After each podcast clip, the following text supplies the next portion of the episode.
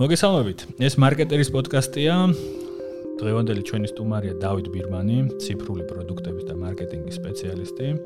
მე შეგახსენებთ ამ პოდკასტს წარმოგიდგენთ საქართველოს ბანკი ბიზნესი და დღეს საუბრობთ თემაზე, რომელსაც გადაწყვეტეთ და ვარქავთ გარდაუვალი ცვლილებები.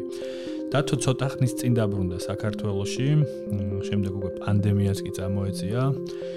ძალიან საინტერესო გამოცდილება უნდა გაგვიზიაროს დღეს. ეს არის გამოცდილება, რომელიც აზერბაიჯანში მიიღო. ამას გამოცდილება საქართველოსში წარაკლია, მაგრამ აზერბაიჯანში განსაკუთრებით საინტერესო ამბები უნდა მოგვიყვეს ახლა, რომელიც დარწმუნებული ვარ ჩვენც გამოგვადგება. და რაც თავარია, გვაგანცდა რომ ეს პოდკასტი ყოველს დაგაფიქრებთ იმ გარდაუვალ ცვლილებებზე რაც ბევრ ბრენდს კომპანიას ორგანიზაციას აქ განსახორციელებელი შიდა სამზარეულოში. დათო მოგესალმებით. გამარჯობა მოგესალმებით ყველა მსმენელს. მიხარია რომ დაბრუნდი საქართველოში და ერთის ხრივ დაბრუნდი ესეც კარგი ამბავია მაგრამ მეორე ხრივ ისიც კარგია რომ უკვე შეგვიძლია მეტნაკლებად ესეთი პირდაპირ შეხვედრები გქონდეს და პირდაპირ წერდეთ პოდკასტსა უნდა აუცილებლად კითხო შენი გამოცდილება ბაქოში იყავი დიდი აქტიურობით არ გამოირჩეოდი საქართველოს ბაზარზე, მაგრამ იქ ძალიან საინტერესო ამბებს ახდენდი. რო გითხრა იქ რა საკეთებდი და შემდეგ უკვე რა პოზიციაზე გიწევდა მუშაობა, იმიტომ რომ ესეც ერთ-ერთი საინტერესო ტოპიკია, რაზეც მინდა დღეს ვისაუბროთ. ესე იგი, აზერბაიჯანში იყო დიდი პროექტი, რომელიც TBC ბანკის აზერბაიჯანში ადგილობრივი პარტნიორი ბანკის ერთობლივი წამოწყება იყო. საქართველოსთან რამდენიმე პროფესიონალი წავიდა და მიიღო მონაწილეობა იმ ახალი ბანკის, ასე ვთქვათ, ბორდზე.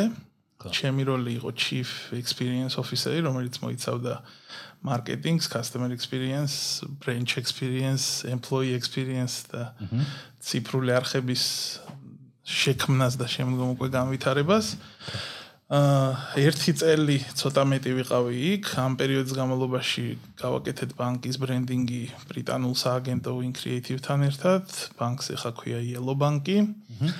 აა ამჟამად ხდება ელექტრონული არხების დასრულება, სხვა დიდი პატარ-პატარა თემები რაც იყო, ისიც ახლა უკვე თავდება. იქიდან გამომდინარე, რომ პანდემიამ ცოტა ასე ვთქვათ, ვადები დააკორექტირა. აჰა მაგრამ ნუ საბოლოო ჯამში ძალიან საინტერესო გამოცდილება იყო იქიდან გამომდინარე რომ ესე იგი ბაზარი არის ჩვენგან რამდენიმე ასეულ კილომეტრში მაგრამ არის სრულიად განსხვავებული და კულტურის ხრივ განსხვავებას გულისხმობ თუ აი კულტურის ხრივ განსხვავებას გულისხმობ იმიტომ რომ ისეთი ელემენტარული განსხვავებებია მაგალითად უბერი გთხოვს ნახტფულს. აჰა ერთადერთი ბაზარია, სადაც Uber-ში ტაქსი გირეკავს და გეკითხება თუ ბარათით იხთი და არ მოდის. ანუ მთლიანად სხვა კულტურაა, მთლიანად cash-based ეკონომია არის. მიუხედავად იმისა, რომ paybox-ებიც დგას, ბარათებიც თითქოს არის, თქვათ, ბანკები საკმაოდ განვითარებულები არიან, მაგრამ ფაქტიურად ყველა ბიზნესი ცდილობს, რომ ნახტფულზე დაფუძნებული მომსახურებით აწარმოოს, ასე ვთქვათ, თერმის საქმიანობა. ეს რაღაც პოლიტიკური ამბავი უფროა თუ რაღაც შიში უბრალოდ ამ ბარათების მიმართ და მე მგონია რომ პოლიტიკური არა, იმიტომ რომ ნებისმიერ მთავრობას აწყობს რომ რაც შეიძლება მეტს ხედავდეს ასე ვთქვათ ელექტრონულ ტრანზაქციებს და ფულის მოძრაობას. უფრო მგონია რომ არის კულტურული მოტივები, პლუს ამას მგონია რომ ნუ ზოგადად მოსახლეობაშიც არის იმის მოლოდინი რომ რაც ნაკლებ ფულს გამოაჩენს ასე ვთქვათ მით უკეთესი მისთვის და ну ამის გამო თქვათ ასე სიხარულით არ ცდილობენ ხოლმე უნაღდო ანგარიშტორებით სარგებლობას რა. აჰა. შენ ახსენე რომ აზერბაიჯანში ამ ხნის განმავლობაში შენი პოზიცია იყო chief experience officer და საკმაოდ შთამბეჭდავი იყო რაც თქვი ახლა რომ რამდენ პოზიციას მოიცავდა ეს ყველაფერი. როგორ გაჩნდა მათ იცოდნენ რომ ასეთი პოზიცია ჭირდებოდათ იმიტომ რომ საქართველოს მე მეგონი არ შემხვედრია ესეთი experience officer რაღაც უფრო რაც შენ ჩამოთვალე თითქოს განაწილებული აქვს ეს რამოდენიმე roles და მათთან როგორ დაინერგა ეს? ანუ რაღაც ერთი ადამიანი უნდათ რომელსაც ერთიანი ვიჟენი ექნებოდა ამდენი მიმართულებით თუ როგორ გაჩნდა იქ და რა სიტყვი საქართველოს იმიტომ რომ მე არ მახსენდება აქ რო ყავდეს ესეთი ბევრი. შეიძლება ერთი ორი ალბათ სიმართლე გითხრათ, აქ იყო ასე ვთქვათ ორი მხარის ნდობის ამბავი, ანუ აა როცა შევთანხმდით რომ მე იქით მივდიოდი, მე იყო კითხვა, ანუ ეხლა მოიაზრებოდა რომ რადგან მარკეტინგის სპეციალისტი ვარ და ციფრული პროდუქტების ან მოიაზრებოდა რომ ეს ორი მიმართულება ასე თქვა უნდა წამეყვანა, მაგრამ შემდეგ მე თვითონ ვეცადე დამენახა თვითონ იქ ასე თქვა მართველი საბჭო რა კონფიგურაციის იყო, ვინ რაზე იყო პასუხისგებელი და ნო executive board-ი და კომპლექტა იმ რამდენიმე ადამიანით ვინც აქედანაც ჩავედით, პლუს ვინც იქ დაგვხვდა და ჩემი შეთავაზება იყო ასე ვთქვათ, რომ experience ყოფილიყო ის keyword-ი, რომლის გარშემოც ეს პოზიცია განვითარდებოდა რა, რატო? იმიტომ რომ experience-ი არის მომხმარებლის მიერად დანახული პროცესები რა. და ამ თვალსაზრისით იყო ძალიან მნიშვნელოვანი, რომ board level-ი ყოფილიყო, board level-ის პოზიცია ყოფილიყო, რომელიც ამ კუთხით დაინახავდა გარკვეულ პროცესებს რა. შედეგად ამან მოგცა ის, რომ თქვა პროდუქტების მიხედვით კი არ მიდიოდა ფიქრი რაღაცეებზე რა, არამედ მიდიოდა იმაზე, რომ თქვა გაჩნდა ტერმინი brand experience, რომელიც აქ უკვე ჩვენო კოლეგებმა რამდენიმე დანერგა ამასობაში. Brand experience-ით ზუსტად იგივენაირად გაძლევს შესაძლებლობას, რომ კამპანიიდან კამპანიამდე არის ფიქრო რა, მომხმარებელთან ურთიერთობაზე და ასე თქვა ჯამურად შეხედო იმ experience, რომელსაც brand-ის თავაზობს მომხმარებელს, ხო? იგივე HR-ი დამოუკიდებლად არსებობდა, ვთქვათ, გარკვეული მონაცემების ახსაღრიცხად და გარკვეული ტიპიური მოქმედებებისთვის, მაგრამ ცალკე გავაკეთეთ employee experience-ის მიმართულება და ხელახლა გადავიაზრეთ ყველა ის პროცესი, რომელშიც ვთქვათ, ბანკს აქვს შემხებლობა მის თანამშრომლებთან. იგივე იყო ვთქვათ branch experience-ის მიმართულება ფილიალის ახალი ფორმატი შევიმუშავეთ მიუხედავად იმისა რომ ეხლა მე ბევრად უფრო მაინტერესებს დიჯიტალის მიმართულება ასე ვთქვათ პორტფელში მაქვს რამდენიმე ფილიალის პროექტი საერთაშორისო კომპანიებთან და ამიტომ ესეც მე ვითავე ასე ვთქვათ რომ ესეც მე გამეკეთებინა და მოკლედ ყველა ამ ჩანაფიქრის შეჯამებით გამოვიდა რომ ყველაზე სწორი ამ პოზიციისთვის იყო experience-ის გარშემო გაერთიანება. ცოტა ექსპერიმენტი იყო, მაგრამ მე ვთვლი რომ ძალიან სწორი ექსპერიმენტი იყო და ეს პოზიცია ძალიან სწორი აღმოჩნდა იქ იმ მომენტში. და მგონია რომ საქართველოსიც ახლა იქნება ეს საკონსულტაციო პროექტები თუ იქნება full time job-ი, მე ურჩევ კომპანიებს რომ ესეთი ტიპის პოზიციები გააჩინონ, იმიტომ რომ როცა კომპანიაში ბორდის ლეველზე ყავს, თქვა კომერციული დირექტორი, ან ნუ sales და თქვა business oriented ადამიანები, იქ ყოველთვის გვავიწყდება, რომ კლიენტის მიერად შემხედავი ხალხით საჭიროა რა, იმავე დონეზე, სადაც წდება საკითხები, თქვა ფული როგორ ვიშოვოთ, ან კომპანია როგორ გამვითარდეს, ან ინვესტიცია რაში მოვახდინოთ რა. და ამიტომ ამ გადმოსახედიდან ესე იგი დაკავებული ადამიანი, როდესაც ბორდზე არის, ეს ყოველთვის აბალანსებს, ასე ვთქვათ. ზუსტად ისევე, როცა ვთქვათ HR-ის როლი შეიძლება კონდეს CEO-ს ან კი კონკრეტულად CEO-ს ქვეშ რომელიმე დეპარტამენტს, მაგრამ როცა თანამშრომელი განიხილება იმავე კონტექსტში, სადაც ვთქვათ კლიენტი, ხო? ანუ ეს ჯამურად განიხილება როგორც ერთი experience-ის ნაწილი, ეს ყოველთვის გეხმარება უკეთ დაინახო, ვთქვათ, ვის რანიდები აქვს, რა. თუ გადმოვეცეს. თუმცა ეხლა ჩვენი მაგალითი რომელზეც ვჯელობთ, ანუ Yellow Bank-ი, რომელიც აზერბაიჯანში უნდა შექმნილიყო, ხო? და შექმნილიც არის კი. ხო, შეიქმნა, ანუ მე რა ოპერირებს უკვე ამ ბრენდით. იმ პერიოდს გულისხმობ, როდესაც აი საერთოდ გაჩნდა Chief Experience Officer-ი. მაინც მიზანი იყო და პრინციპში ყოველას აწყობდა, რომ რაც შეიძლება ნაკლები ადამიანი შეიძლება ყოფილიყო პასუხისგებელი ბევრ რამეზე და როგორ ფიქრობ, აი მოკლედ კარგად მოკოკილ დიდ ორგანიზაციას დღეს შეუულია აქვს იმის ფუფუნება რა უცბად გადაწყვიტოს. აი დიდ ორგანიზაციას ხო რაღაც ტელეკომში სასტუმრო ბიზნესში მომსახურების ბიზნესში რომ უცბად თავზე დაასვას ბოდიში ამ სიტყვისთვის არავის იმედი არ ეწყინება. აი თქვენ ყოველას ახლა გეყოლებათ ერთი თქვენს თავზე რომელიც იქნება chief experience officer-ი. ანუ პრაქტიკაში როგორ წარმოგიდგენია? მოკლედ ეს არა ისეთ ორგანიზაციაში, სადაც შენ იყავი, რომელიც უნდა გარდაქმნილიყო რაღაციდან რაღაცა და არამედ აი რომელიც დღესაც ფუნქციონირებს. არა, იცი, ზოგადად თავზე დასმა ყოველთვის ისეთი ემოციებთან კავშირში მყოფი პროცესია რა, ანუ თუ მასე ჩათვალეს, რომ ვიღაცას თავზე დაასვეს, ესე იგი მაგარ შარში ვართ. იმიტომ რომ ესე იგი რაღაცა მომზადების ეტაპზე ისე არ არის, როგორც უნდა იყოს რა. მე ვთვლი რომ თუ კომპანიისთვის ექსპერიენსულად ფიქრი ასე ვთქვათ არ გახთა ძირითადი იდეოლოგია, მაშინ experience officer-ის ადგილი იმ კომპანიაში არ არის. ანუ ან უნდა მივიდეს იმისთვის რომ ესეთი იდეოლოგია დაინერგოს, ან უკვე არის იდეოლოგია და მისი პატრონი მიდის იქ. არის კომპანიები მსოფლიოში, რომლებშიც CEO არის ამის გამტარებელი და ცალკე ადამიანი არ ჭირდება. მაგრამ ნიშნულოვანი იმიტომ არის, რომ არის როლები ბორდზე, რომელიც ბუნებრივად ვერ გარდაიქმნება, მაგრამ არის ისეთი როლები, მაგალითად ჩემი წინა როლი რამდენიმე წლის წინ იყო chief digital officer-ი რა და როცა ხდებოდი chief digital officer-ი იმ დროს უკვე მიდიოდა მსჯელობა მსოფლიოში ეს როლი საჭიროა თუ არა. დღემდე სამი იტერაცია გაიარა ამ ფიქრმა და დღემდე კიდე ფიქრობენ საჭიროა თუ არა, მაგრამ მაშინ ამ როლის ერთ-ერთი დანიშნულება იყო, რომ ყოფილიყო digital ცვლილებების ადვოკატი კომპანიაში. დღეს არის კომპანიები, რომელსაც აღარ ჭირდება, ესე იგი, ადვოკატები, იმიტომ რომ მთელი კომპანია digital mindset-ზე გადაეწყო, ხო? და ცალკე როლი ესეთი რომ ცალკე გამოკვეთილი chief digital officer-ი არსებობს, ზოგს აღარ ჭირდება. მაგრამ არის კომპანიები, სადაც ეს ჭირდებათ კი არა, ძალიან ჭირდებათ.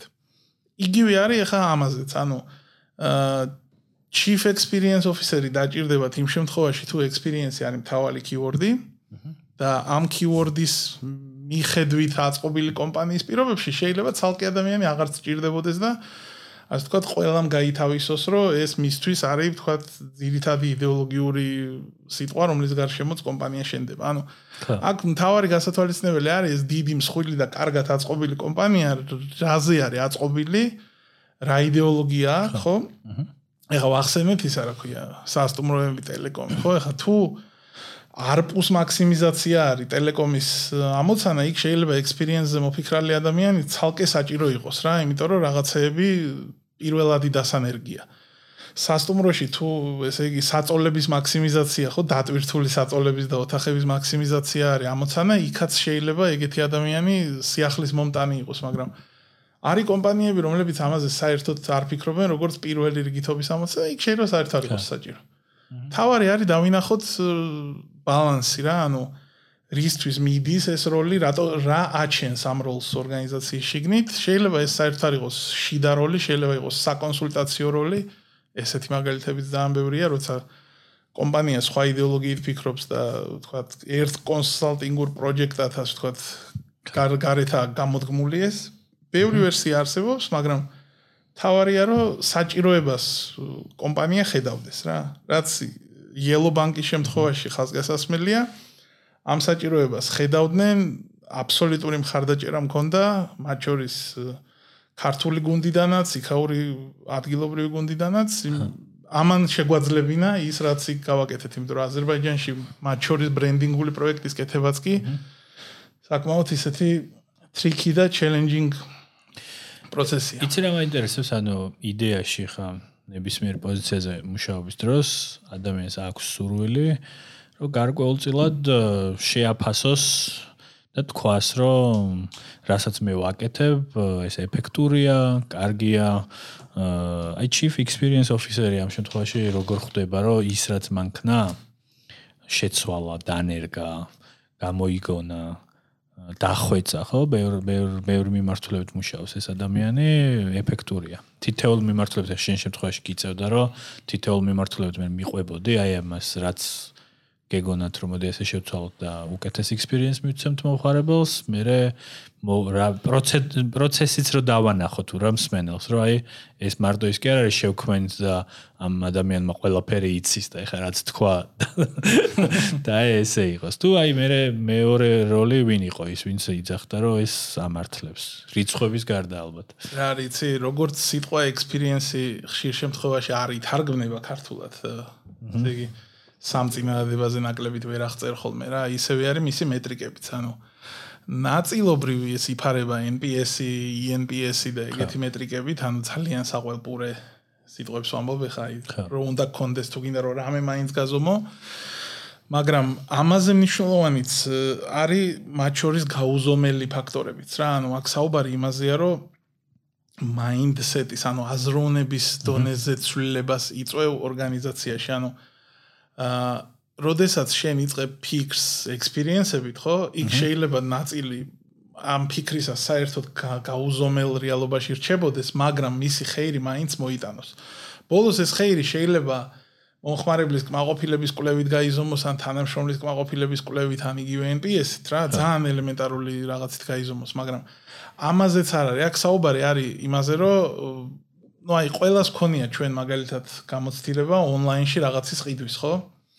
და ყოფილა კომპანია, რომელსაც ну აი ვერ დააჯერებ, რომ შენ რაღაცა პრობლემა გაქვს, აი წყალს ناყავ, წერ, წერ, წერ და ვერ ხვდები და არის კომპანია, რომელსაც ერთ სურათს ჩაუგდებ პრობლემის და ის იქიდან ფულს გიგზავნის. ну აი საქართველოსში ვართ და ეძახი რომ აი დიდი ბოდიში აქიდან ვერ გამოგიგზავნით ამერიკაში რა ვერ დავაბრუნებ. აა, კაი კაცო, არა უშავს და გიგზავნის ფულს უკან. ანუ, როდესაც ეხა ერთი მაგალითი იყო ბოუზი, ანუ ყურსასმენების მაღაზია, რომელმაც არ დაიბრუნა მანამ სანამ რაღაც ესე იგი ორი კვირა არ ვარწმუნე. მეორე იყო ზაპოსი, რომელსაც უბრალოდ სურათი ჩაუგდე და კი როგორ არაო და ნახევარ საათში ფული იჭდა ანგარიშზე. ანუ თავარი არის მაინდსეტი, იმიტომ რომ ეს მაინდსეტი მე გაძლევს საშუალებას, რომ შენი ესე იგი უკან დაბრუნების პოლიტიკაც სხვანაირი შეიმუშავო, დაფინანსების სქემაც სხვა ქონდეს, ხარჯებს რაზე წევ ისიც სხვანაირი, იმიტომ რომ თუ მთელი კომპანია ასე თქვა ჭყალებში დაავადებულია იმით, რომ საუკეთესო ექსპერიენსი შესთავაზოს მის მომხმარებელს და ამაზე იშოვოს ფული და არა იმაზე რომ თქვა ხარჯის მინიმიზაცია მოახდინოს და რაც დარჩება ის გადაარჩინოს რა. ეს გაძლევს ზუსტად იმ შედეგს. ამიტომ რაღაცა არის გაზომვადი და ვნერ გავდით კიდეც ახლა იქ გარკვეულ მეტრიკებს და კვლევებიც მოვასწარით რამდენიმე კვლევის ჩატარება.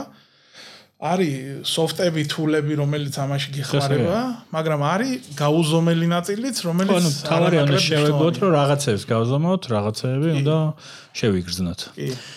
დავით, შენ დაბრუნდი საქართველოში, აქაც გარკვეულად ჩართული იყავი ბევრ პროექტში, მაგრამ აი ბოლო რამოდენიმე თვეა კორონავირუსმა დაარტყა არა მარტო საქართველოს, არამედ მთელ სოფლიოს და ერთ-ერთი რასაც ვცდილობ რომ ბოლო პოდკასტებში ყოველს ვკითხო არის მათი ხედვა, დაკვირვება, როგორ ფიქრობ თვითონ ამ კორონავირუსმა რაც ბიზნესის მიმართულებით რა, საქმის წარმოების მიმართულებით რა ცვლილებები გამოიწვია. ერთი ხრი ჩვენ ხა ესეც საუბრობდით, გადაწყვეტეთ რომ რაღაც თემისთვის დაგვერქმა გარდაუვალი ცვლილებები და აქამდე სანამ მივალთ, შენი დაკვირვება ზოგადი რა არის? აი რო უყურებ თუნდაც ხალხი რას პოსტავს, რაზე წუხს, რას საუბრობენ, როგორი კითხვებით მოგმართავენ, ხო, არ ვიცი, აი ძირითადი დაკვირვება რო გითხრა და შემდეგ გადავიდეთ უკვე ის გარდაუვალი ცვლილებები რისკენაც გვიბიძგა ამ ყველაფერმა.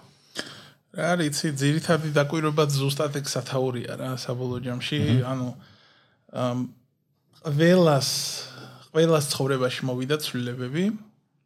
და იყო განსაკუთრებით პირველი კვირები იყო შეგრძნება რომ ეს ცვლილებები არის გარდაუვალი. ხო. აი ეს იყო ძირითადი დაკვირვება. დღეს დღევანდელი გადმოსახედიდან ნაწილი იმ ცვლილებებისა რომელიც გარდაუვალად ჩანდა თქვა პირველ კვირებში არც ისე გარდაუვალი აღმოჩნდა. მაგრამ ნაწილი დარჩა, ესე იგი, საფუძვლიანად გარდაუვალი და გასაგებია რომ ეს ცვლილებები საბოლოოდ ადგილს დაიკავებს, ასე ვთქვათ, ჩვენს ყოველდღიურ ცხოვრებაში რა. ეს არის ასე ვთქვათ ზოგადად რომ შევაჯამოთ რა და უფრო დეტალებში რომ ჩავიდეთ ესე იგი რა არის კომფორტის ზონის გადახედვა მოხდა ფაქტიურად ყველასთვის. ვის რაში კონდა კომფორტი ასე ვთქვათ ეს განსხვავებულია, მაგრამ ფაქტიურად ყველამ გადახედა ამას. აა ყველაფერი რაზეც თავს იკავებდნენ, კონდათ ბარიერები, ასე ვთქვათ, კონდათ ქცევის პატერნები, გართობის ექსპერიენსი, ყველაფრის გადახედვა მოხდა, იმიტომ რომ ხალხი, რომელიც უბრალოდ დადიოდა გარკვეულ ადგილებში სოციალიზაციისთვის, ხო, ანუ რომლებიც შოპინგზე იმიტომ არ დადიოდნენ, რომ მართლა ყიდვა უნდა და თამამეთ ვთქვათ, გარკვეულ ადგილებში სიარულს იყვნენ მიჩვეული, ხო? იგივე რესტორნებში ერთ ყავაზე 3 საათი მჯდომი ხალხი, ხო? ანუ რომელიც იქ საკვებად არ დადიოდა და ყავისთვის ან უბრალოდ ასე თქვა, კაი პონჩი მიდიოდნენ და ეს გამოცდილებისთვის რა. ხო, აი ექსპერიენსი იყო მათი ეს რა. ყველა ამ ადამიანს რაღაცა შეეცვალა იმით, რომ დაიჯდა სახში. ამ ცვლილების დროს მოხდა ძალიან ბევრი მანამდე არსებული სერვისის ხელახალი მოსინჯვა. მოხდა გარკვეული შიშების გადახედვა, მოხდა, ну, პირველ რიგში ძალიან დიდი სტრესი იყო და ამ სტრესის დროს ძალიან ბევრი ადამიანს მოუწია საკუთარი თავისთვის ხელახლა რაღაცაზე რაღაც კითხვებზე პასუხის გაცემა, ვთქვათ, რისი რეალურად ეშინია, რის დაკარგვის ეშინია, რისი არ ეშინია, ხო, ვთქვათ, ხა ონლაინში ბევრი არ ყიდულობდა, იმიტომ რომ ქონდა შიში, რომ ვთქვათ, ფულს დაკარგავდა თუ რაღაცას არასწორად შეავსებდა, ან საიტი მოატყუებდა, ან რაღაც, ხო? აა მაგრამ ამ პერიოდში ძალიან ბევრმა ადამიანმა სხვადასხვა სცენარებში, ასე ვთქვათ, გაბედა, ხო? გაბედა და ამ გაბედვამ გამოიწვია ის, რომ ძველი შიშების გადალაგება და გადააზრება მოხდა რა. ამან მისცა საშუალება ბევრი ონლაინ პროდუქტის და ციფრული პროდუქტის წარმოებელ გუნდს, რომ სულ ახალი მომხმარებელი მიეღო რა, რომელსაც მანამდე გათვლასაც არ აკეთებდა, იმიტომ რომ იცოდნენ რომ იყო თქვა ინოვატორები, early adapter-ები რაღაც და follower-ის follower-ამდე არც იყო ჩასული ეს ხალხი რა. იგივე ვთქვათ Volt-ი, Glovo და სხვა delivery სერვისები რაც იყო, ხო? ან online ბანკები, ბევრი, ბევრი. სხვადასხვა სერვისი, ხო? ყველა ამ სერვისს ახალი მომხმარებელი გაუჩნდა, ძველმა მომხმარებელმა რეგულარობას უმატა, ხო? ანუ ადრე ხა იყო მაგალითად ესეთი ხალხი, ვისაც ადრე ვამბობ დღეს არა. ვისაც შუქის გადახთა ეშინოდა ონლაინ არხებით, იმიტომ რომ არ იყო დარწმუნებული, რომ ეს ნამდვილად გადაჭდებოდა იქ და მე არ გამიჩ. მაქიდან წარმოიდგინე რამხელა ტრანსფორმაცია გავიარეთ ახლა ამ პერიოდამდე, როცა მაგას კი აღარ ვარკვევთ რა, ეხა უკვე იქამდე მიდის საუბარი, რომ ესე იგი უფასოდ რომელი არქივს გადაგვახდევინებს, იქ ვიხდით, თორე ონლაინში რო ვიხდით, ამაზე კითხვები აღარ არის გაიხამია რა.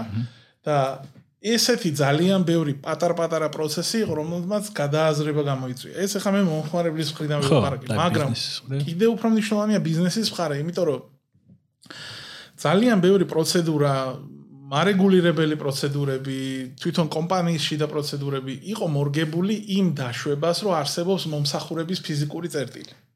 ანუ არსებობს სერვისის რაღაც ნაწილი, რომელიც შეგიძლია წამოიწყო ონლაინში, მაგრამ არსებობს ასევე ფიზიკური სამყარო, მისი წესებით, რეგულაციებით, სველი ბეჭდებით, ესე იგი ქაღალდიდან ქაღალდი. მიყვარს მაგის, ესე იგი, თქმა რომ ჯერ ამობეჭდვა და მერე დასკანერება, ანუ ბევრი ესეთი მაგალითი ეფუძნებოდა მხოლოდ იმ დაშვებას, რომ ყოველთვის შეიძლება სადღაც მიხვიდე და იქ მოათავო მოკლედ საქმე რა. მათ შორის ეს ეხებოდა იუსტიციის სახლს, რომელიც ერთ-ერთი ტექნიკური ინოვატორია ქვეყანაში რა, ანუ მომსახურების სააგენტო თუ რაც ქვია SDA. და ყველა ეს სერვისი იწყებდა რაღაც პროცესს ონლაინში, მე გადადიოდა ოფლაინში. უცებ აღმოჩნდა რეალობა, როცა ოფლაინი არ არსებობს და ონლაინში წამოწყებული ონლაინშივე უნდა დაამთავრო და მე ერთადერთი შანსი გაქვს, რომ თქვათ ვიღაცამ ფიზიკურად მოგიტანოს თუ ძალიან გჭირდება რა, კურიერით და ასე. ამან ყველაფერმა გამოიწვია ძალიან ბევრი სერვისის გადააზრება რა. და გაჩნდა ძალიან დიდი, ასე ვთქვათ, შესაძლებლობების ფანჯარა, რომ უბრალოდ რაღაცა ფილიალიდან კურიერამდე კი არ გამოიტანო, არამედ საერთოდ ხელახლა დაფიქრდე ამის საჭიროება რატო არსებობს რა. ანუ რატო დადის ხალხი კონკრეტულ მომსახურების ადგილას. მე ხა ამ ფიქრს ბოლომდე რო გაყვე შეიძლება დაფიქრდე ძვირს ხომ არ ვიხდით იჯარაში, ესე იგი, ან საერთოდ რატო ვინახავთ ამ ოფისების ქსელს, ასე ვთქვათ და ნუ ბოლოს მიდის იქამდე, რომ როდესაც ეს კრიზისი გაივლის, აუცილებლად იარსებებს რაღაც X რაოდენობა მცირე ხალხისა, ვისაც ეკნება მიდრეკილება, რომ ისე ვიაროს ფიზიკურ ლოკაციებში.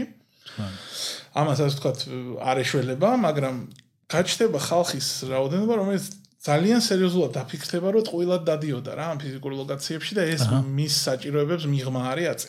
ამიტომ ნაწილი ცვლილებები გარდაუვალია, ნაწილი ცვლილებები შეიძლება უკანვე დაბრუნდეს რა. გასაგებია. იცი რა მაინტერესებს, ანუ თვითონ იმ ორგანიზაციებს რას რა შეიძლება ურჩიოთ, რომლებიც ამ ფიქრის პროცესში მარტო არიან, შეიძლება ასე ვთქვათ, ვისაც არ აქვს ხელსაშუალებები. ჩვენ გვისმენს ბევრი სტარტაპი, გვისმენს ორგანიზაცია, რომელიც არის საშუალო და ის იძახის, რომ კი მიხვდა, ანუ შენ დარწმუნებული გისმენს ახლა და გეთახმება.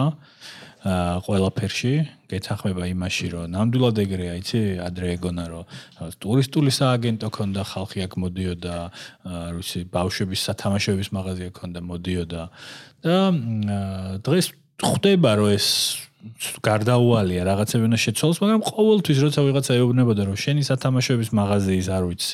ონლაინ ვერსია შეკვენ ეს რაღაც თაროზეში კი ეს სადღაც იყო.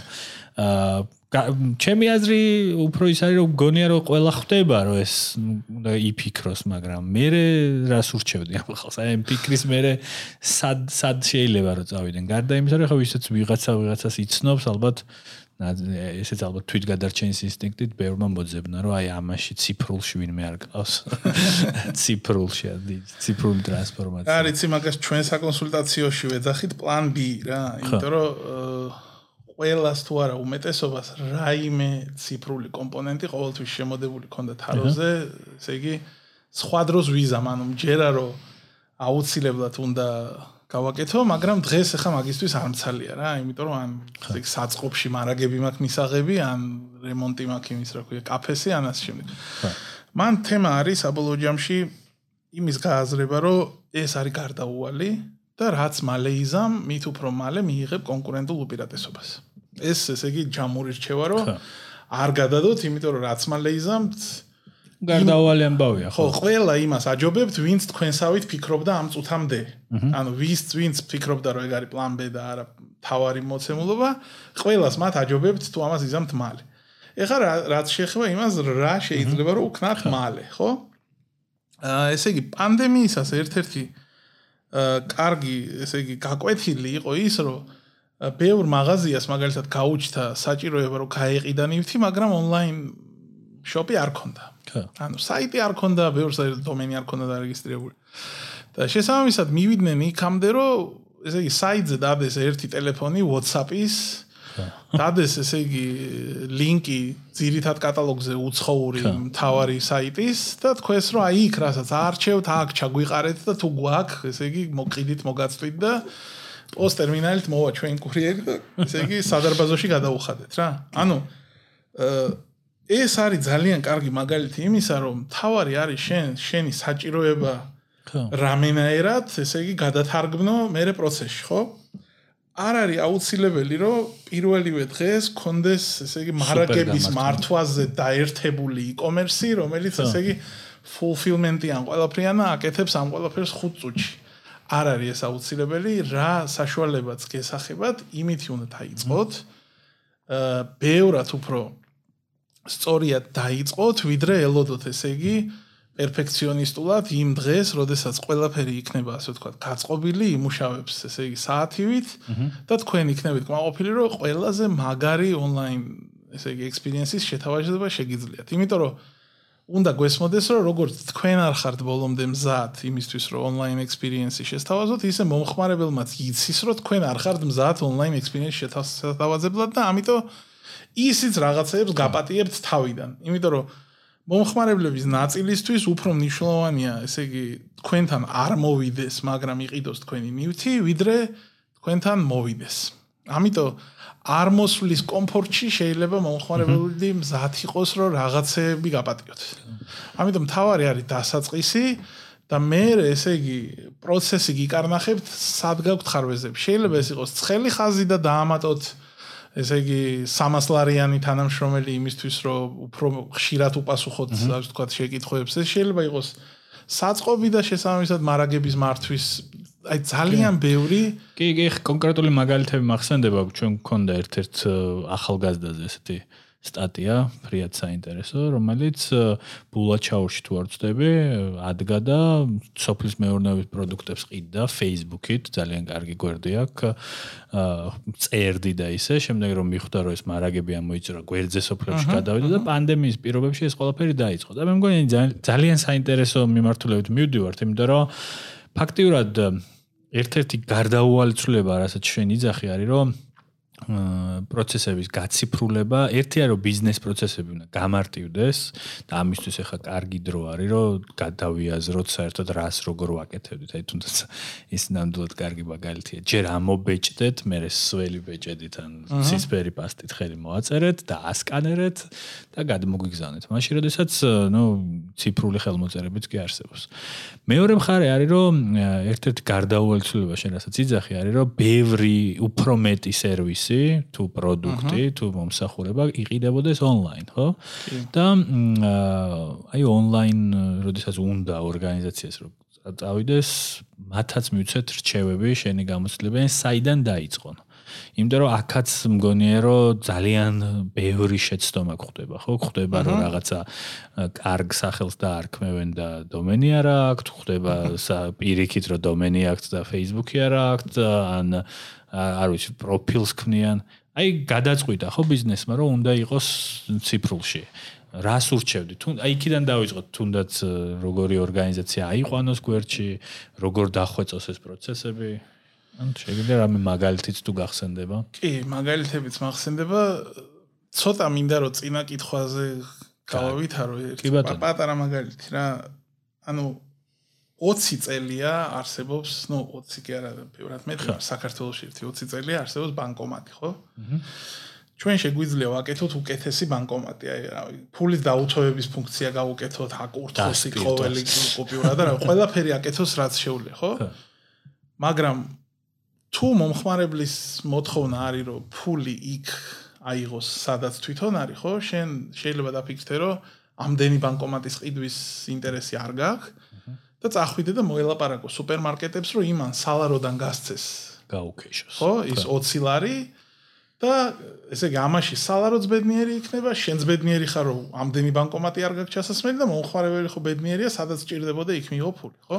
ანუ ესეთი ტიპის მაგალითები გვჭირდება რა, რომ უკეთესი ბანკომატის ძიებაში კი არ დავითრგუნოთ, რომ ამდენი ბანკომატი არ შეგვიძლია და ამიტომ ჩვენ ყოველთვის 23 ვიქნებით რა. არამედ დაუფიქრეთ იმაზე, რომ მომხმარებლის მიერად რანიდი ამოძრავებს მას, რომ ბანკომატამდე მიდის, ხო? აჰა. კი. ეხლა იმის არ იყოს მობილ ბანკების უმეტესობაში პირველი რიგითობის ფუნქცია, რისთვისაც ხალხი იქ შედის, არის საკუთარი ბალანსის ნახვა. აჰა. ხო, ამიტომ მაგალითად ერთ-ერთმა ბანკმა ისრაელში ბალანსის ნახვა მობილ ბანკის გარეთ გამოდგა. ანუ ვიჯეტით იყო პირდაპირ ტელეფონში ხედავდი პირველივე გვერდზე, ანუ საერთოდ არ გჭირდებოდა იქ შესვლა.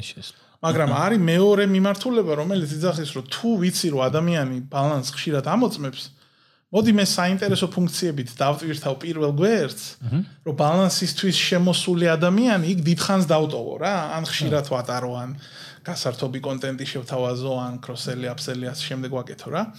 ანუ ორი სულ სხვა მაგალითი ხო? ანუ ერთმა ინერვიულა რომ ესე იგი ეს ხალხი ასე ხშირად რატო დადისო იქო? და ამიტომ საერთოდ აღარ შევიდესო, მოდი იმას გამოვიგონებო რომ იქ არიაროსო.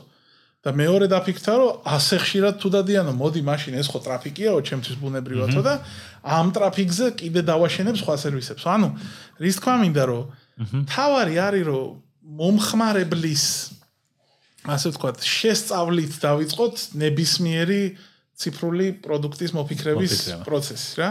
იმიტომ რომ მომხმარებლის საჭიროება ყოველთვის ყველაზე კარგი მოკარნახია იმისა, რა გვაქვს გასაკეთებელი რა. და არა ჩვენი ლეგასი, ჩვენი 20 წლიანი გამოცდილება, ჩვენი პოზიცია ბაზარზე და ასე შემდეგ. ეს ყველაფერი კარგია, ეგ გვიხთის ხელფას დღეს. რომ გვაქვს საერთოდ საშუალება დავждდეთ და ასე თქო ჩვენი სახეებით ვითათფიროთ მომავალზე. ეგ კარგია, ეგ გვიხთის უკვე დღეს და გვაფინანსებს, მაგრამ სიახლე და ნებისმიერი ახალი რაცაც დაუნერგავთ, ის უნდა გვიკარნახოს მომხმარებლის საჭიროებამ, რა. და უნდა შევხედოთ მომხმარებელი როგორ იქცევა, რეალურად რა ჭირდება, იმიტომ რომ ძალიან ხშირად ხდება ხოლმე რომ ლეგასი შეხედულებები, ასე ვთქვათ, წარსული მემკვიდრეობით ხო აი ეს მემკვიდრეობით რაც მოგვდებს ის კარნახობს ხოლმე რომ გავაკეთოთ უკეთესი ბანკომატი ან გავაკეთოთ თქვა ისა რა ქვია. მეორე მაგალითი რაც იყო რა. ხო ინტერნეტ ბანკის ხო ეს რაც შეეხება იმას და შენ კითხვას რომ დაუბრუნდეთ რას ურჩევთ საიდან დაიწყო ხო ის საიდან დაწყება არის ძალიან მნიშვნელოვანი ხო მან არის ერთი მნიშვნელოვანი მომენტი რომელიც შეცდომაა ხოლმე იმიტომ რომ იწებენ აი როგორ გითხრა, ერთი პროგრამისტით დაწყებული ციფრული მომსახურება არის ხოლმე ეგ ჩემთვის რა ესე ვეძახი. რატო? ანუ იპოვიან საიტის გაკეთება მინდა და გთხოვთ ერთი პროგრამისტი ვინმე მირჩიოთ რა. IT-შნიკიც ვარესია კიდე, ანუ ერთი დეველოპერი და მე რეიწება რა რომ იმ ერთი დეველოპერით რაღაცას გააკეთებენ და იმ რაღაცის გაკეთების შედეგად მე ის დეველოპერი ამასობაში იზრდება მისი კარიერა აქ ასე შემდეგ და რამდენიმე წლის თავზე ესე იგი ეკიდება ეს ყველაფერი რა. და პრობლემა ხდება, იმიტომ რომ ფაქტიურად რაშიც ინვესტიციას აკეთებდი ის არის. ამიტომ თავიდან ყოველთვის ჯობია შენი გაქანების თანაზომადი ინვესტიცია განახორციელო რა. თუ პატარა ხარ. ხო. ჯობია შაბლონური ინსტრუმენტები. ანუ შაბლონური ონლაინ მაღაზია, შაბლონური საიტის მისამართი. შეიძლება საერთოდ არ გჭირდებოდეს ვებგვერდი ასლარად და ყოფნიდეს Facebook დომენი გადაბმული Facebook-ის მისამართს. ხო, დომენი რატო? იმიტომ რომ Facebook-ის მისამართი რო პირდაპირ წერო რეკლამაში ძალიან ის არის რთული, ამიტომ იღებ დომენს აბაუ Facebook-ის გვერდს, შესაბამისად რაღაცა, კარგი მაღაზია G, გადადის Facebook-ის გვერდზე, იქ რაღაცებს აქვეყნებ, ტელეფონის ნომერი გაქვს, დაიწყო ბიზნესი. ანუ სმენელისთვის გასაგები რო იყოს, ძალიან უხეში იმას ვიტყვი, ეს გადამისამართება, ანუ კარგი მაღაზია წერტილი G რო გადამისამართდეს თქვენს Facebook გვერდზე, შეიძლება ეს მინდა 12 ლარი დაგიჯდეთ, თუ საერთოდ ჰოსტინგი არ აქვს და თუ ძალიან ისეთი საერთოდ უპასოა. ხო, ну, წელიწადში მოკლედ ერთი 50 ლარად, მოკლედ მისი სახელიანი მიანამიანად ეგამბავი მოგვარებადია რა. ხო, ანუ შენ მაინც ძალიან კარგი რჩევაა ეს, იმიტომ რომ ბევრს აქვს ზუსტად ეს შეცდომა, რომ პირდაპირ გამოუცდელობით პირდაპირ უნდა რომ შექმნას მორიგი Amazon, eBay და შუაგზაში ეს ერთი კაცი ამას ვერ გაიკეთებს და იღებს ის, ანუ შენ ურჩევ რომ გამოიყენონ ბაზარზე, ეს არის პირველი ძალიან კარგი რჩევა. მე ურჩევ იმას, რომ რა ინსტრუმენტებიც ბაზარზე უკვე არსებობს, იმასთან თქვენ გაშორებთ ერთი სწორად დაგუგლ Google-ი, ისა რა ქვია, request-ი რა. ანუ ერთხელ Google-ში უნდა დაწეროთ. Top 10 best online shops. ან რაღაც ეგეთი და სწორად დაგუგლულით, ესე იგი ამოვა უფასო ინსტრუმენტები, იმ უფასო ინსტრუმენტს აქვს საკმარისი რაოდენობა თულებისა, რომ დიზაინიც თქვენივე ხელით შეცვალოთ, არაფერი არ ჭირდება. აი იმაზე ნაკლები დრო დაგეხარჯებათ, ვიდრე სხვა ეგეთ ერთ აყვანილ, ხო, ერთ აყვანილ დეველოპერთან რო დახარჯავდით რა. შესაბამისად, ბევრად უფრო მარტივია ესე დაწყება და მე უკვე შენივე საჭიროებები და მომხმარებლის საჭიროებები გიკარნახებს როგორ განვითარდე. და ყველა ეს ღია ოფიციალური თულები რომელიც არის უფრო მარტივია იქიდან დაპორტირდე კარგ და შენს მიერ შექმნილ ინსტრუმენტზე ვიდრე პირიქით შენი ინსტრუმენტიდან დაპორტირდე იქ იმიტომ რომ შენი ინსტრუმენტის შიდა სამზარეულო იცის ერთმა დეველოპერმა და ის იცის ნახევარმომსოფლიომ რა იმიტომ რომ იმაზე არის 100000ობით საიტი და ეს კიდე გაქვს შენ ხო, ამიტომ ეს არის სულ პირველი ამოსავალი წერტილი, საიდანაც დასაწყებია, მაგრამ ამის გარდა თავარი არის ერთი მნიშვნელოვანი რამ. ციფრული უნდა იყოს თავიდანვე თქვენი აზროვნების, ასე ვთქვათ, არეალში რა. არავითარ შემთხვევაში არ უნდა იყოს მეორე ხარისხოვანი, მეორე რიგითობის და ღმერთმა დაგიფაროთ, არ უნდა იყოს არხი. ანუ არ უნდა ფიქრობდეთ, რომ გაქვთ, ესე იგი, მაღაზია, რომელსაც უნდა კონდეს ვებგვერდი. სადაც მე წერია, რომ თქვენ გყავთ, ესე იგი, დინამიურად განვითარებადი გუნდი, რომელიც დაკომპლექტებულია ახალგაზრდებით. ანუ საიტი საერთოდ და ვებგვერდი მხოლოდ იმ მომენტში უნდა გაჩნდეს თქვენ თვალსაჩინოზე, თუ თქვენ გესმით რა ხალხი შემოყავთ იმ საიტზე და საიტზე შემოსული ხალხი შემდეგ რას იყიდის ამ საიტზე რომ რამეს გაეცნო იქიდან გამომდინარე თუ ეს არიცით თავი უნდა დავანებოთ მაგ ამბავს დავკონცენტრირდეთ Facebook-ზე ან სხვა მარტივ საშუალებებზე და ესე იგი ფული დავაკონცენტრიროთ რეკლამაზე იმიტომ რომ ძალიან მნიშვნელოვანია რომ გვესმოდეს რომ როცა აი ადრე იყო ეს ეს არეკლამოებში ხო? ანუ 100000 დოლარიან კლიპს გადაიღებდნენ და მე მედიისთვის ფული არჩებოდა ხო? ყოველთვის პირიქით ჯობია რომ ესე იგი 20000 დოლარიან კლიპზე 80000-ის მედია გააკეთო, ვიდრე 80000-იან კლიპზე მე 20000-ის მედია და დანარჩენი Facebook-ზე დადო და იმის იმედი კონდეს რომ ვინმე ნახავს, ხო?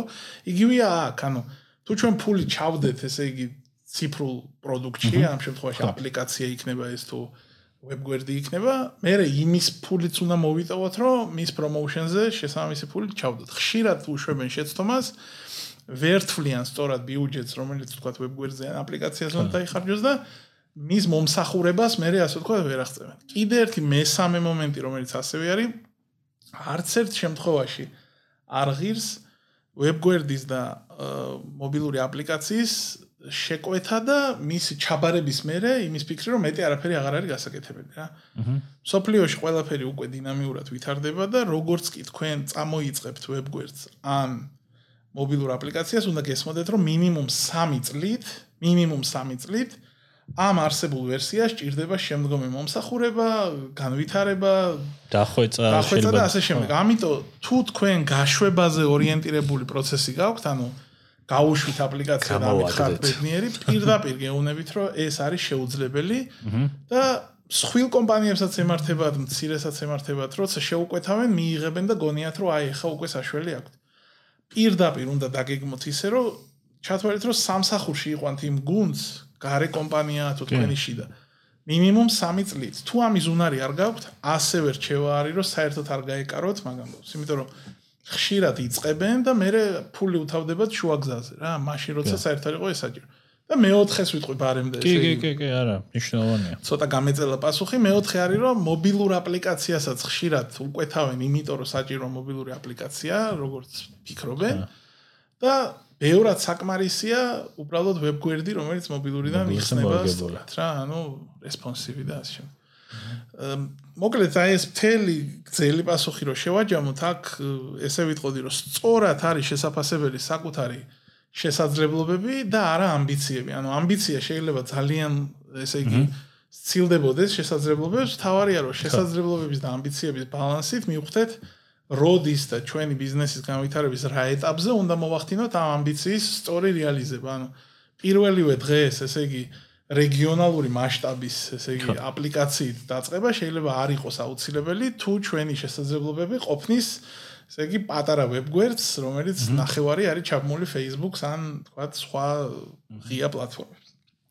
შემდეგი კითხვა, რომელიც ასევე შენ თან მაქვს, არის ისევ ცდილობ, რომ აი experience-ი და ჩემი სმენელის რეალობა გავითვალისწინო. აა ეხა გვეყოლება ჩვენ ადამიანები, რომლებიც იტყვიან, რომ ოკეი, მომწონს ვეთანხმები ამ რჩევებსაც გავითვალისწინებ, მაგრამ მაინც დღის ბოლოს ამ ყველაფერს განხორციელებაში სჭირდება ადამიანები, ხო? ვინც დაგვეხმარება, ანუ გუნჩი ავიყვანთ, ჩვენზე მეტი ესმის, თუნდაც შენ დაქირავებულ სააგენტოს ვებ რაღაც ვებსაიტზე მომუშავე კომპანიას ემუშავება და ასე შემდეგ.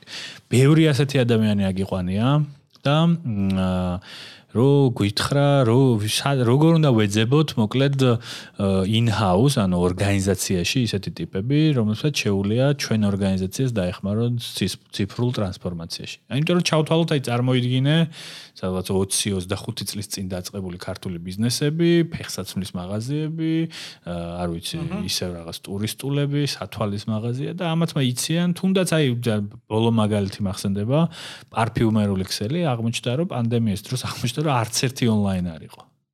და 1-2 მე მგონი გადაეწყო კიდევაც ახლა, ხო? მაგრამ ამ ხალხს ერთია რომ შენ ჩვენ ახლა უთხრათ რომ მიდი პირდაპირ შენ დაელაპარაკე, რომ საერთოდ აზზე არ არის იქ ის რასეონება, ჰოსტინგი რა არის დან დაწყებული და მეორე არის რომ ვიღაცა ყავდეს და ეს არ ვიცი ვინ არის მარკეტინგის მენეჯერია ხშირად თუ თუ მარკეტინგის მენეჯერია რა სკილებს უნდა მიაქციონ ყურადღება აა ეს არის ესე იგი good question რო იძახიან ჩვენებურად გადასარევი კითხვა რა. აა პირველი უნდა დავიწყოთ იმით რომ ჩვენთან ძალიან ხშირად არის ორიენტაცია იმაზე რომ ყველაფერი აიყვანონ შიგნით. ხო. ყველაფერი მოდი ყველა ყველა აიყვანონ შიგნით. და იყოს ესე იგი შტატის ნაწილი რა. რაც არის შეუძლებელი, იმიტომ რომ მე ხდება ესეთი რამ.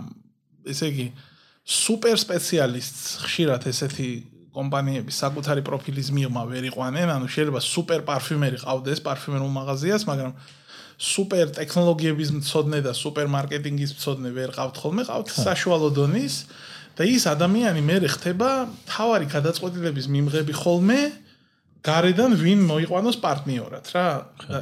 ეგ რიგ შემთხვევებში აჩერებს ესე იგი განვითარებას კომპანიის რა. ამიტომ ხშირად სწორია რომ ავიყვანოთ პროექტ მენეჯერის თვისებების მქონე ადამიანი, რომელსაც ესე იგი რაღაც მიმართულება აინტერესებს, მაგრამ არ აქვს ექსპერტობის ამბიცია, ასე ვთქვათ, ამ მიმართულებაში და პირდაპირ შეუქმნათ მას გარემო, როცა მას არ მოვთხოვთ ყოველფერჩიკობას რა, ანუ არ მოვთხოვთ ყველაფრის ცოდნას და პირდაპირ ვეტყვით, რომ ჩვენ გვესმის რომ შენ ეს არიცი არც აგვიყვანი ხარ ამის მწოდნეთ გვინდა რომ უბრალოდ აზზე მოსულობის გარკვეული ესე იგი დონე იყოს შენგან და დანარჩენი გარეთ. ეხა გარეთ არის სხვადასხვა ვარიანტები. არის კომპანიები რომლებიც დაკვეთაზე ორიენტირებულები არიან ანუ არაპირებენ შენს ესე იგი 3 წელი გაძღოლას სანამ შენ ჩამოყალიბდები და უბრალოდ მათ უნდა შეუკვეთო ვებგვერდი და მაგალითად მოაწერინო ხელი ორ წლიან საგარანტიო მომსახურებას ეძახიან. ხოლმე რომ მე თუ რამე გაფუჭდა ესე იგი მოგეხმარებიან და ნუ განვითარებაზეც თქვა გარკვეული საფასო შეთანხმება წინასწარ დათქვა ხოლმე ჯო ეს ერთი მიმართულება. მეორე რომელიც ახლა მაგალითად აზერბაიჯანში მუშაობის დროს რამდენიმე ჩვენი უცხოური საკონსულტაციო სააგენტო მუშაობდა ჩვენთან ამ პრინციპით, ანუ გვთავაზობდნენ უბრალოდ ჩვენ მაგის საჭიროება რაღაც მომენტში არ ქონდა და იგივე რასაც თქვა ჩვენ ვაპირებთ აჰა საქართველოსი კომპანიებში ვთავაზოთ, არის რომ აა შენ პროდუქტს კი არ უკეთებ. არამედ შენ იწყებ ესე კომპანიასთან ერთად მუშაობას. ხო. და ამ გზის ბოლოს კომპანიას თვითონ უჩნდება დეპარტამენტი, ასე ვთქვათ რა.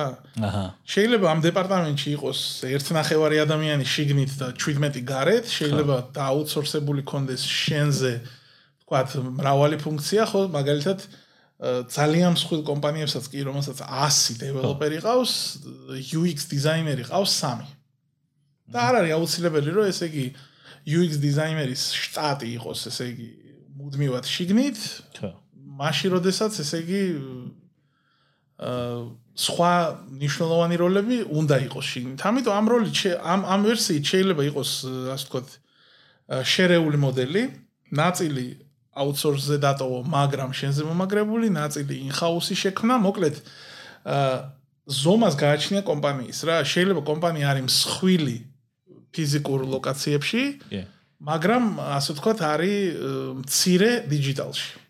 და ვთქვათ მისი მსხვილი გაქანება, ვთქვათ, ჩოულებრივ გამოცდილებაში 20 წლის ასე თქვა დაგროვილ სამუშაო გამოცდილებაში გამოიყენო იმისთვის რომ სწორად თარგმნო მისი და მისი მომხმარებლის საჭიროებები დიჯიტალში და გზა და ასეტაპო ასე თქვა თიმი. თავარი არის ამ შემთხვევაში ჩვენ წარმოვიდგინოთ რა გზა აირჩია კომპანიამ. ანუ ციფრული ტრანსფორმაცია ისე ტერმინია რომ ძალიან ბევრ ამას შეიძლება ნიშნავდეს რა. ერთ-ერთი არის რომ თქვათ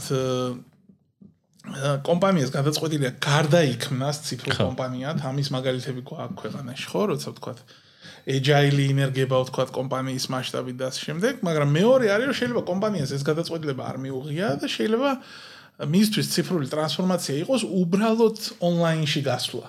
ანუ მისი სერვის მოდელის გადაწყობა იმის გასათვალისწინებლად რომ ონლაინიც მნიშვნელოვანია უკვე ანუ ბევრი სხვა სხვა რაღაცა. შეიძლება ვიღაცისთვის ეს არის უკვე data driven ასე თქვა აზროვნების მოდელების დანერგვა და ასე შემდეგ ხო? ძალიან ბევრი ახლა ტერმინების რა ხალხი შეგვიძლია აქ მაგრამ ეგრე ძირითადად მე მგონი მაინც გასაგებია. ხო მოკლედ ლოგიკა ის არის რომ იმის გათვალისწინებით რაზე არის მზად კომპანია ხდება ასე თქვა გუნდის პირველადი შექმნა, ეს შეიძლება იყოს აუდიტის გუნდი, უკვე ვთქვა პროდუქტის კვლევარი გუნდი, იქიდან ეს ყველაფერი იწყება და უბრალოდ კეთდება დათქმა, რომ რაღაც პერიოდის ბოლოს კომპანიას აქვს ქმედითი ესე იგი მექანიზმი საიმისოთ, რომ ეს ყველაფერი აკეთოს უკვე დამოუკიდებლადაც. თუმცა არსებობს იმის მაგალითებიც, როცა მაგალითად ბრიტანეთში არის ბანკები, რომლებსაც ციფრული პროდუქტების წარმოება სრულად აქვს დააუთსორსებული კომპანიებზე და იმადლობენ ხო ბანკი რო გმასპინძლობს შენ ესე იგი აი მოდით ერთად გაჩვენებთ რავშვებით იმ საკონსულტაციო კომპანიის ოფისში გმასპინძლობს რა. იმდენად გატანილი აქვს აუთსორსზე ეს ამბავი. იმიტომ რომ იძახის რომ ეს არ არის ჩემს. არ არის ჩემი საქმე. თუმცა მე მჯერა რომ მათი საქმეა მაგრამ ნუ თავარი არის რომ მოკლედ ციფრული ტრანსფორმაცია ესე იგი გაითავისოს ორგანიზაციამ რო გარდაუვალია. და იქ მე ასე თქვა, ყოველას მისი გემოვნება აქვს და ყოველას მისი ხედვა აქვს. ეხლა შეუძლებელია რაც არ უნდა ილაპარაკო, რომ ესე იგი ციფრული ტრანსფორმაცია და რაღაც თუ კომპანიას ამისი არ ჯერა ისე როგორც ჯერა შენ, ხო? ხო. იგებს კომპანია რა. ну ან საბოლოო შეგებს კომპანია, მაგრამ ну მისი გადასაწყვეტია როგორ იქნება. ამიტომ ბევრი რამე იმალება მოკლედ ამ ტერმინის ქვეშ რა. და ბოლოსკენ რო წავიდეთ, დავით ერთი ასეთი შეკითხვაც გაჩნდა, რომ საქართველოს ბევრი ადამიანის ბევრი სწორი გადაწყვეტილების დამსახურებით, აი თუნდაც ეს კორონავირუსი რაღაც ისე გამოიარა, რომ კიდე უფრო ძლავრად ჯერათ აქ ორგანიზაციებს თუ ადამიანებს, რომ back to normal აუცილებლად იქნება. რაშიც გულისხმობ იმას, რომ მე მგონი აი ის კრიზისული პერიოდი რაც გქონდა პირველ ორ თვეში, რო გვეგონა რომ აქ არაფერი ნორმალურ სიტუაციას არ დაუბრუნდება. ეხლა თითქოს ეს თუნდაც მომხმარებელში, თუნდაც ბიზნესში აა გაფანტულია და იმას რაზეც დღეს თელი დღე ჩვენ საუბრობთ, ანუ გარდაუვალ ცვლილებებზე ბევრი ალბათ ეჭქვეს დააყენებს, ხო? და აი შემაჯამებლად რო ვთქვათ, ხო? შენი აზრით როგორ ჯობს, რომ იმ ორგანიზაციაში სადაც აზრები ორ ნაწილად იყოფა, ხო? ერთი არის რომ მოდი სულ შევწყვიტოთ X პროცესები და გადავიდეთ მთლიანად ონლაინ. ვიღაცა იძახის რომ ბიჭო მე მგონი დაბრუნდება ეს ჩვეულებრივი ნორმალური.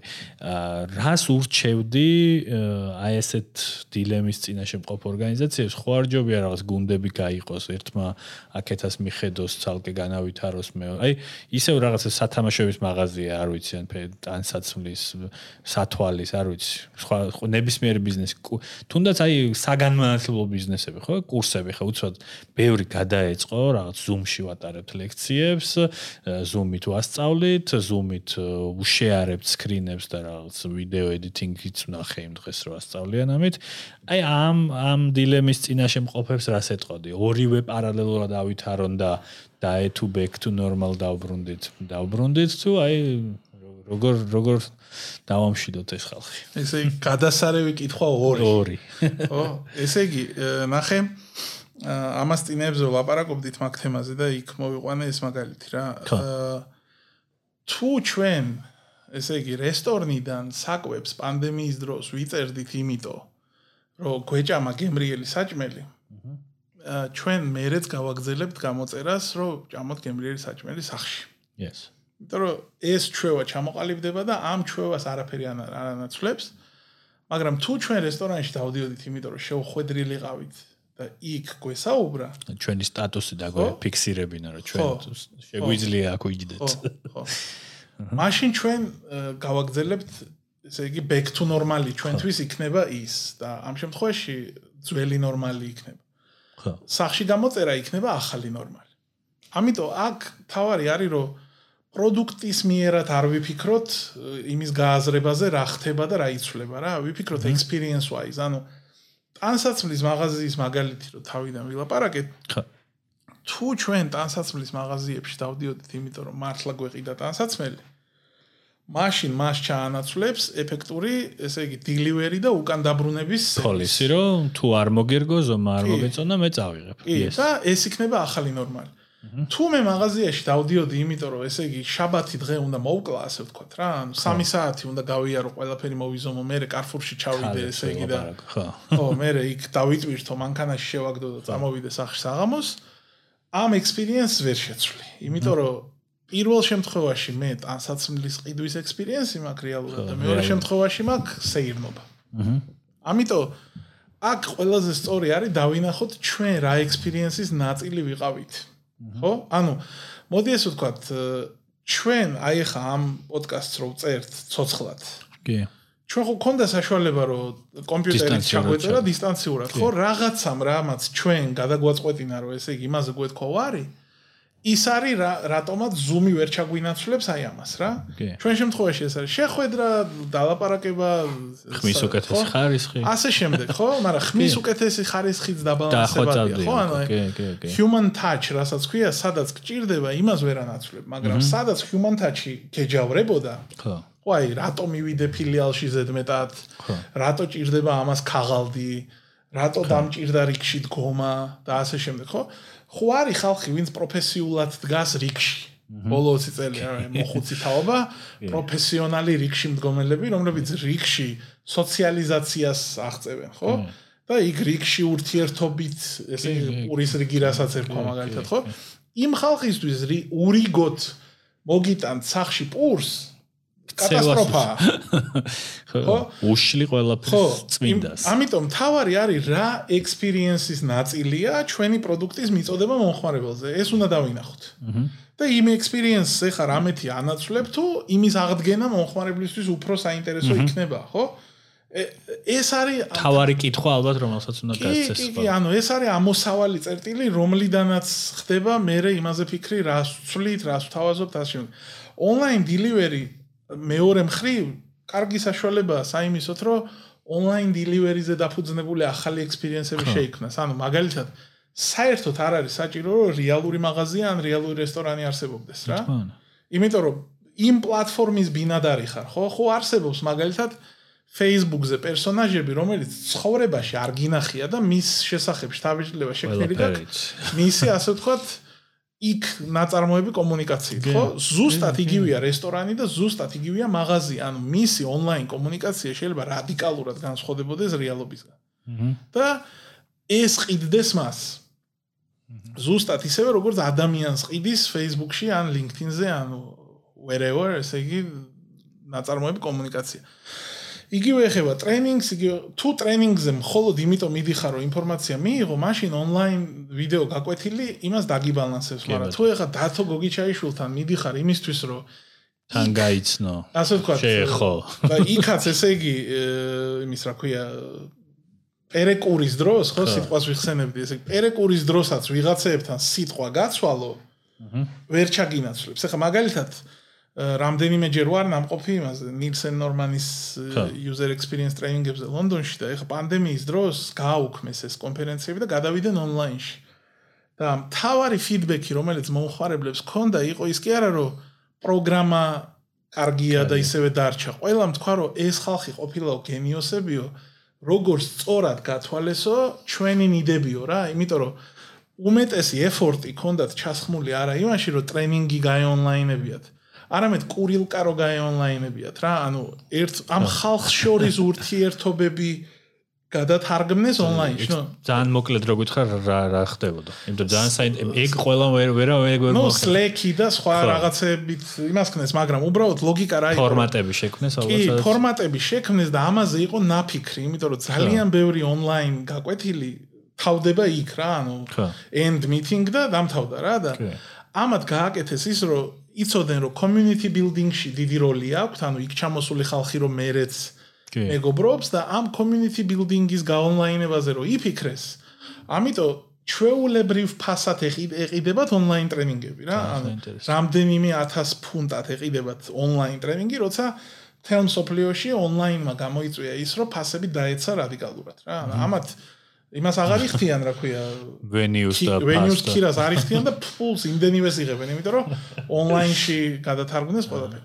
ანუ მოკლედ იმის თქმა მინდა, რომ ეს ახალი გარემო აჰა, როცა ჩვენ ვიძახით, რომ ცვლილებების გარდაუვალობას როცა ვახსენებთ, ეს იმას კი არ გულისხმობს, რომ არსებული ექსპერიენსი უნდა შევცვალოთ მაინდა მაინც. აქ უნდა გავითვალისწინოთ, რომ მომხმარებელი აუცილებლად შეიცვალა. ანუ დაისტრესა, მე იმ სტრესიდან გამოვიდა და ეხლა აქ საშუალება გაიაზროს ძველი რა მოწონდა და ახალში რა მოეწონა. ამიტომ ცვლილება არ გულისხმობს იმას, რომ იძულებული ხართ ფილიალები დაკეტოთ, ან იძულებული ხართ რომ ონლაინში წახვიდეთ. ცვლილება გულისხმობს იმას, რომ მომხმარებელი შეიცვალა, მომხმარებელმა რაღაც ახლებური დაინახა, გასინჯა ან გაიგო რო არსებობს და ეს გაძლევთ საშუალებას, რომ ამაზე დააფუძნოთ შეცვლილი ექსპერიენსი და მიახტიოთ ახალ წარმატებას, ანუ ამაშია გარდაუვალობა ამ ცვლილების რა. ძალიან კარგი, საინტერესო მე მგონი, ყველაფერზე ვისაუბრეთ ცვლილებებთან დაკავშირებით, იმაზეც თუ რა საჭიროა, როგორ უნდა გავაკეთოთ, ვინ ავიყვანოთ. თუ რამეს არ დაამატებდი, დავემშვიდობებოდი ჩვენს ჩვენს სვენელს. არიცი, მე მგონია რომ მე ლაპარაკი არ მომწყინდება ხა ამ ფორმატში რა, ჩვენ გამომდინარე სადა.